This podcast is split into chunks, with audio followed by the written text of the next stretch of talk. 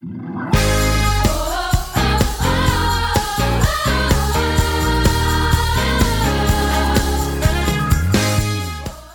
to the City Church International podcast. Each week we launch new teachings and preachings from our Sunday service.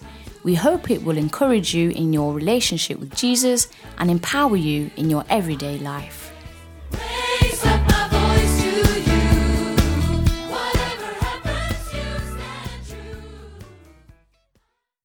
So let me just read some scripture telling story when Jesus was here. Well known, and most of you have been preaching about this. You know the story very well from John chapter 4. And it's just after Jesus met with a Samaritan woman, and the disciple comes back after that. And it says like this from verse 27, John chapter 4. Just then his disciples returned and were surprised to find him talking with a woman, but no one asked, What do you want? or what, Why are you talking with her? Then, leaving her water jar, the woman went to, the town and said to the people, Come see a man who told me everything I ever did. Could this be the Christ? They came out from the town and they made their way towards him. Meanwhile, his disciples urged him, Rabbi, come and eat something. But he said to them, I have food to eat that you know nothing about. Then his disciples said to each other, Could someone have brought him food? My food, said Jesus, is to do the will of him who sent me and to finish his work. Do not say, Four months more and then the harvest. I tell you, open your eyes and look at the fields. They are ri- reap for harvest. Even now, the reaper draws his wages. Even now, he harvests the crop for eternal life, so that the sower and the reaper may be glad together. Thus, he, the saying, one sows and another reaps, is true. I sent you to reap what you have not worked for. Others have done their hard work, and you have reaped the benefits of their labor. I pray one more time, Father in heaven, that you will bless your word in our heart. I believe, Lord, that you have a purpose with your holy scripture. You have a purpose with your words in our life. So bless your word in our life, I pray. Help us, Holy Spirit, to receive this in the way that you want us to receive it. Amen. I am fascinated of Jesus in this way, you know, because it's mid of the day, it's the sixth hour, says the Bible. It says in the beginning of chapter 4 that Jesus was tired, so he sat down. So if you are like me, that you start to feel tired midday, you know, sometimes after lunch, I believe that's biblical, you know. That's what Jesus was, you know. At that time, he became tired. So then we are Jesus like, you know. So take a nap midday, you know, I think is very biblical. Anyhow, Jesus is there, he's hungry and he is tired. His disciples, they are ready, I mean, to get the food and to try to find something, and Jesus is there. But there is something which is above all this in his life, and then it, when the woman came there with this need in her heart. When the disciple comes back, you know the story, and you know that no one was interested why Jesus was talking with her. No one was interested what she wanted, you know. But I am glad that there was someone like Jesus there at that time. If had only been the disciples, this woman had went away, you know, with the same burden, with the same problem, with the same difficulties, with the same feeling of being an outcast, you know, in the society. So I'm thankful that it was not only the disciples, but Jesus was there to give her life and to make a change in her life. And we are now called to do what Jesus was doing. But it seems that it's not just some mechanism in this that this happens. So Jesus is saying, I have nothing, I have something to eat that you don't know anything about. My food is to do the will of He who sent me and to do what He has been planning for my life. And my challenge for us this morning, this afternoon, is just that we should focus what is the will of God with my life. my understanding is in this time there are so many people, there are so many cultural things, there are so many things that want us to go in this way or in this way, to concentrate on this. There are so many worldly concerns, even in the church, to having the best car, to living in the right place, to be able to speak the language, to have the credits, to have, you know, all the academics and whatever it is, you know. But you know, it's a good thing to understand that there is something in my heart which has nothing to do with all those things. It has only to do with one thing, and that is that God has put a calling in my life, and that is what I'm running with in my life. I am not that concerned of eating, of drinking, of all the other thing. Something more is more valuable to me in my life. There are too many people in Sweden who is in my age, not my size, but in my age. There are some smaller guys also, you know, but there are many of them. They have succeeded with many things. They have been doing a great career in their life. They've been earning a lot of money. They have been buying the good cars. They have been successful. They have a name and they have many followers on their Facebook or their Instagram and they have many likes, but still they are 55 years old and they are saying that there is some meaningless in my life. Unless you grasp what God has called us to do, we will be old. We will be successful. We will buy the boat that we've been longing for. We've been finding the family we've been longing for. We have the most beautiful wife. But if we are missing the purpose, the will of God, what God has called us, we will end up being nothing, full of meaningless in our life, and like a black hole will swallow us.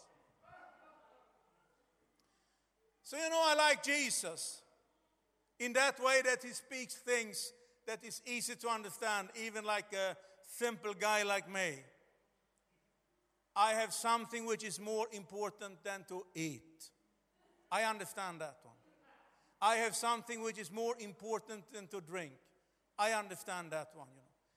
He's using the simple pic- pictures and he's telling the ultimate satisfaction, the perfect satisfaction in your life is to do His will, whatever the world will say, whatever will happen, whatever the other people will shout on you, whatever, I mean, what will draw you, what the culture will tell you, unless you are there, you know, finding this, you know, that is the perfect satisfaction in our life. So Jesus is there. So therefore, the disciples they don't understand, but Jesus understands.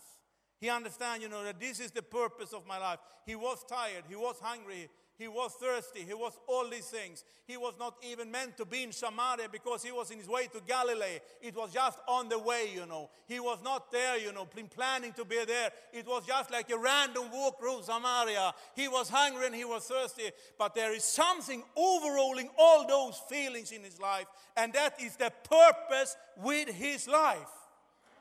And the purpose with his life was just to bringing the good news to someone who need redemption, to bring the good news to someone who needs salvation, to bring the good news to someone who is full of shame, to bring the good news of someone who is like uh, an offcast in the society. And that's why we are here. That's why we are here. Because God has called us to proclaim the good news, whatever happens around us, whatever we have in the culture, whatever happens in the society, we have this in our life. My experience is the more I understand that God has created me, like Ephesians 2 and 10 saying that in Christ there is a purpose which He had planned in advance in my life, the more I understand that in my inner life, the more free I will be. That's my experience. Some years back, I was a senior pastor in a church in south of Sweden in Jönköping. This is a great church. They had like 2,800 members. Most of them had a lot of opinions about the pastor. I understand this is not happening in your church, but you know, it happened in that church. They had a feeling that I was preaching too long or too fast or I should not wear some sneakers when I was preaching, or I should have shirt with long sleeves, whatever it was, you know. A lot of opinions. It was too charismatic, it was a little too, it was too little charismatic. All these chicka chick and things like that, all the way was going on. Then I became like a leader of the movement, Swedish Pentecostal movement. And there is 100,000 more who have opinions what I'm doing and not doing. What I found in my life is that if I don't understand what is the purpose with my life, I will be lost. I cannot run through my life and trying to please that person or that person. I cannot run through my life. I cannot be there, you know, trying to please everyone, seeking the hand clapping from other people, seeking that people rejoice me or that they will like me or whatever it is, you know. The only way for me to survive and to live in freedom is to decide that God, you has given me something in my life and my purpose with my life is just to run with what you gave in my life, leave the others away. So therefore, don't look to right, don't look to the left. Don't try to be like him or like her. Don't try, you know, to be someone else, you know. Just be happy and glad that you are who you are and you know that there is a purpose, there is a divine idea, there is something to fulfill in your life what God has called you to do. You are living in the right place, even if you came to Sweden with maybe some, even some refugees stamped in your whatever it is, you know. Just leave that. You are not in some place which is a second plan or a third plan with your life. Just decide that the purpose with my life is just to serve Him where I am. I am living in the right place. I am the right job place. I have the right friends. I am in the perfect spot. I am in the right place. And this is where I am. And this, God, is what you have called me to do. So I will just go what you have put in my heart. God, you don't make mistakes. I make mistakes, but you never make mistakes. Maybe you have a father who told you that I didn't want a daughter when you were born, but you came to this earth. Maybe you have heard your whole life that it was not planned that you should come to this earth. With all respect for your father and mother, they don't have a clue what they are talking about. I mean, they are lacking understanding that no one of us is here by a mistake. No one is here just thrown out somewhere in universe with no purpose. And to find that gives us freedom.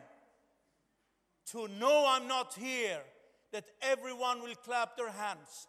I am not here just to do something where people will shout on me. I'm not here, first of all, to make a good career. I'm not here, first of all, to make good money. I am here to fulfill what He has planned with my life, and that is to bring the gospel to this world and to be free in that.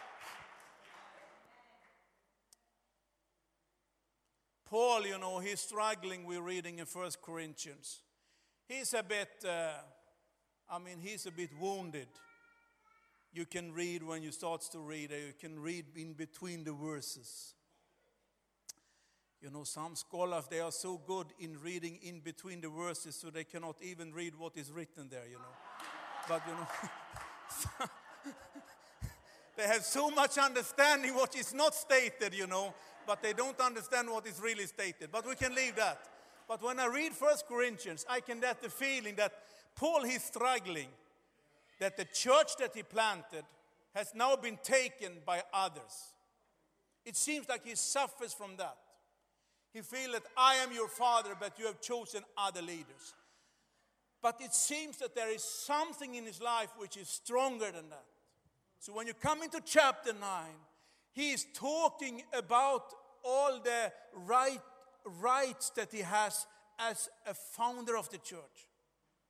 He's saying, I have right to have food. I have right to have some wages. I have right of this. But he's saying, I have not used any of those rights because I have something bigger in my life, and that is the freedom to preach the gospel. If you are there to proclaiming the gospel, it gives you a freedom. Even if you're feeling sometimes that people are stealing things from you, they are taking your position, they are taking your church, they are throwing you out of some place, you know. Even if they throw you out through the back door of the church, there will always be someone standing outside the back door who needs the gospel of Jesus. Even if they chase you to the end of earth, there will be people all the way who need Jesus. You can be sick nearly to death, but there will always be a nurse who needs your smiling face or a word of God. You may be the poorest person in the world, but there will always be someone, you know, who needs your voice and to need who you are, what God is taking. There is a freedom living with this in your life, knowing that I have something, you can't see it, but it's there. It's my GPS in my life, it's my direction, it's my compass, it's the one leading me and guiding me in my life wherever I am. And when you have that, you know, you will be someone telling the good news. You will be someone telling the good news. Like Jesus was doing, you know, there was someone. You could think of Jesus, you know, our master, our Lord of Lords. But you know, when he finds someone who has been with five men and the one that she's with now, you know, is not her own. If he finds someone who is lost, I love when Paul was preaching before, you know. Unless this loss, unless this lostness is a part of our life, we will get lost ourselves. Unless we are not living with those people. There is no one, you know, who is so low and so down, who is so downtrodden. There is no one, you know, where it's too small, you know, and Jesus is showing that. So Jesus is showing that, and it seems that what he did in her life even worked for her. She was saying, Jesus, how comes that you, as a man, as a Jew, are speaking to me? Yeah? She felt, you know, that she was some, she was nothing. She was like an underdog, you know, with Jesus. But Jesus made something in her life, showed her respect, uh, told her the truth without uh, putting her down, releasing her in her life. But then comes the most amazing thing that then she is starting to run and to tell the testimony. And the Bible says that people came to faith because of her testimony.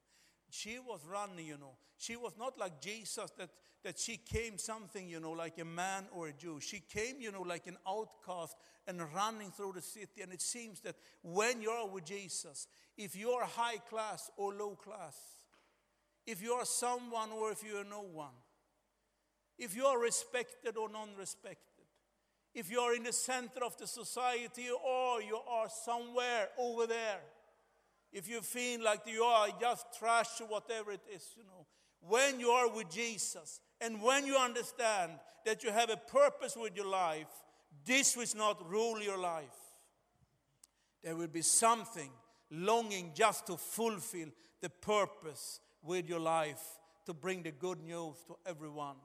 So I would just like to tell everyone here who is a pastor or is a leader or is a church members or whoever you are, I would just like to focus this and underline that these things that we get in our life, you know, who we are in Jesus, what is his purpose, what he's thinking with our life, you know, when we find that, you know, even if we are the most lonely person in the world, we will find other lonely persons that needs us, you know. Whoever we are, you know, this is freedom. We may be in jail, but there will be other jailers and there will be other watchmen. There will be people who needs the gospel. We will be thrown away somewhere far away, but there will be someone who needs the gospel. Even if the disciples didn't understand, Jesus understood. And that is the miracle that needs to happen in all our life that we live with this. We are not too good, we are not too smart to meet some other people, you know. We are not, you know, in some high position where we feel. And I think, you know, for me,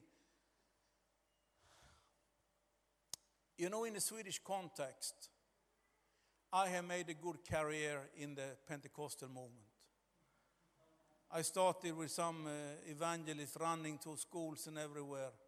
No one took any notice of me. Became a youth pastor and then a real pastor and then a missionary for five years and then an assistant pastor and then a senior pastor. And then I ended up, you know, with all this church politics and things like that, you know. We can be wherever in our life. But still, you know, this was is the basic things in our life will never leave. And the day we forget it, we will be lost in our life wherever we are. As pastors, we can be preachers. We can proclaim the gospel, you know, boldly. But in our heart, we can be the most worldly person. We can have a high confession. We can pretend to be some, you know. But we are struggling with the flesh in our life.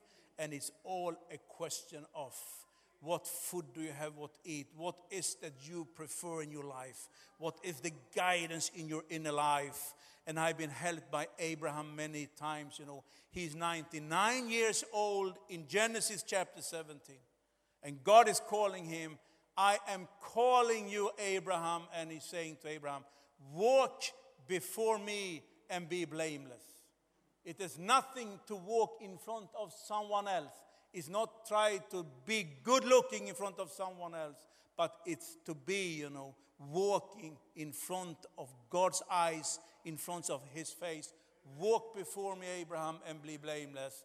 And dear brother and sister, walk before God and be blameless. Just make your decision in your life that God, if someone shall be happy for me, it shall be you. If someone should clap their hands for my life, God, it is you. If someone will rejoice in me, God, it should be you. That gives us direction in our life and it helps us in our life. The second thing, I mean, he says many things, but then he's talking about this, you know. You are saying, you know, that it takes another four months. There is nothing to wait in our life, you know. We need to lift our eyes wherever we are. In every place, we have those opportunities to serve Him. And I like, you know, when Paul is also challenging us to see, you know, to think, you know, of transforming and changing societies. When he's talking about those big pictures, you know, I believe, you know, that to understand that, to lift our eyes and to understand the purpose gives something in our life. My understanding when I read the Bible is the more we understand the big picture, the more we understand that God has something for us, the more we will be motivated in our life to do His will. When we see this, when we feel it, when we get reminded about that, it happens something with our life. Finally, brothers and sisters, before we will just take some short time of prayer, there is another thing that happens here when Jesus is saying to the disciples that something will happen with them. And he's saying, even now, the reaper draws his wages. Even now, he harvests the crop for eternal life, so that the sower and the reaper may be glad together. Running with the gospel, gospel alone, not polluted, but a lot of my own, you know, things, will give me generosity in my life. I'm a bit tired of all this competition in his church. I'm a bit tired of that everyone want their names on the victories. It's the same flesh, you know, which is in the world. It's not something holy flesh which is in the church. Flesh is flesh wherever you find it. I believe if we are running, you know, with the kingdom of God, then we will be glad together. We will rejoice with each other victories. We will be with each other in the sorrows because we know that there is something bigger than my success in my life. There is something greater that I get my name on this or whatever it is. There is something greater. So this is helping me also. My understanding in the churches where I'm working is the more we get focused on the mission, what God has called us, the more free we will be. But also the more generous we will be towards each other. We will be glad with each other. But if we are not there, you know, we start to backbite each other. We want to look good and we want to win and we want to have the names everywhere and we want to be the one who is the latest one, who is doing the great thing. I believe, you know, that when we see the harvest, when we are running for the harvest and the harvest alone, when we are focused and know that the harvest is the thing that God has put in our life, when we understand that this is my mission, this is my person, purpose, this is the idea of my life, the more we are running for that, the more generous we will be towards each other. We will be happy with the sower. We will be happy with the one reaping. We will be happy for everything that happens in his kingdom in this generosity. So finally, you have everything to win. You have everything to win. To just decide again in your life my life will be doing your will, God, and to fulfill your plan in my life. Nothing other matters. This is what you have called me to do.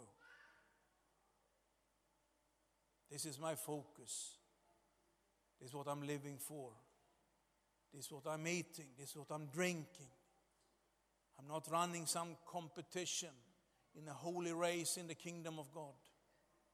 I'm just here, you know, to fulfill His purpose with His church. And therefore, friends, brothers, and sisters, who maybe have, maybe you came to Sweden recently, maybe you live here now, maybe you have not learned language, or maybe you're struggling with the culture in Sweden. Maybe you're struggling with segregation, you're thinking of your children and the future. Don't let all those ideas and thoughts destroy the purpose of you being here for this time in this country. We are in a time in Sweden where we are seeing people from Congo, Uganda, Burundi, Ethiopia, Eritrea reviving the prayer life in our churches. We are in a time where the Swedes have stopped to proclaim the gospel on the streets. We find people from other nationalities, sometimes with other skin color, saying that Jesus is alive and Jesus can do something. So don't let anything make you quiet. Nothing, nothing. We are not here, first of all, to bring, build the state of Sweden. We are here to build the kingdom of God. We are not here to be good Swedes. We are here to be disciples of Jesus. We are called to fulfill His work. And that's what we are running for, and that's what we are living for. And therefore, we can embrace each other. So I will ask Paul to come here, and I will just say to you if you are here as a pastor or a leader who have a burden for Sweden, let just me and Paul just bless you in what God has called you to do, you know, in this country. Let us just in this way welcome you and just encourage you just to be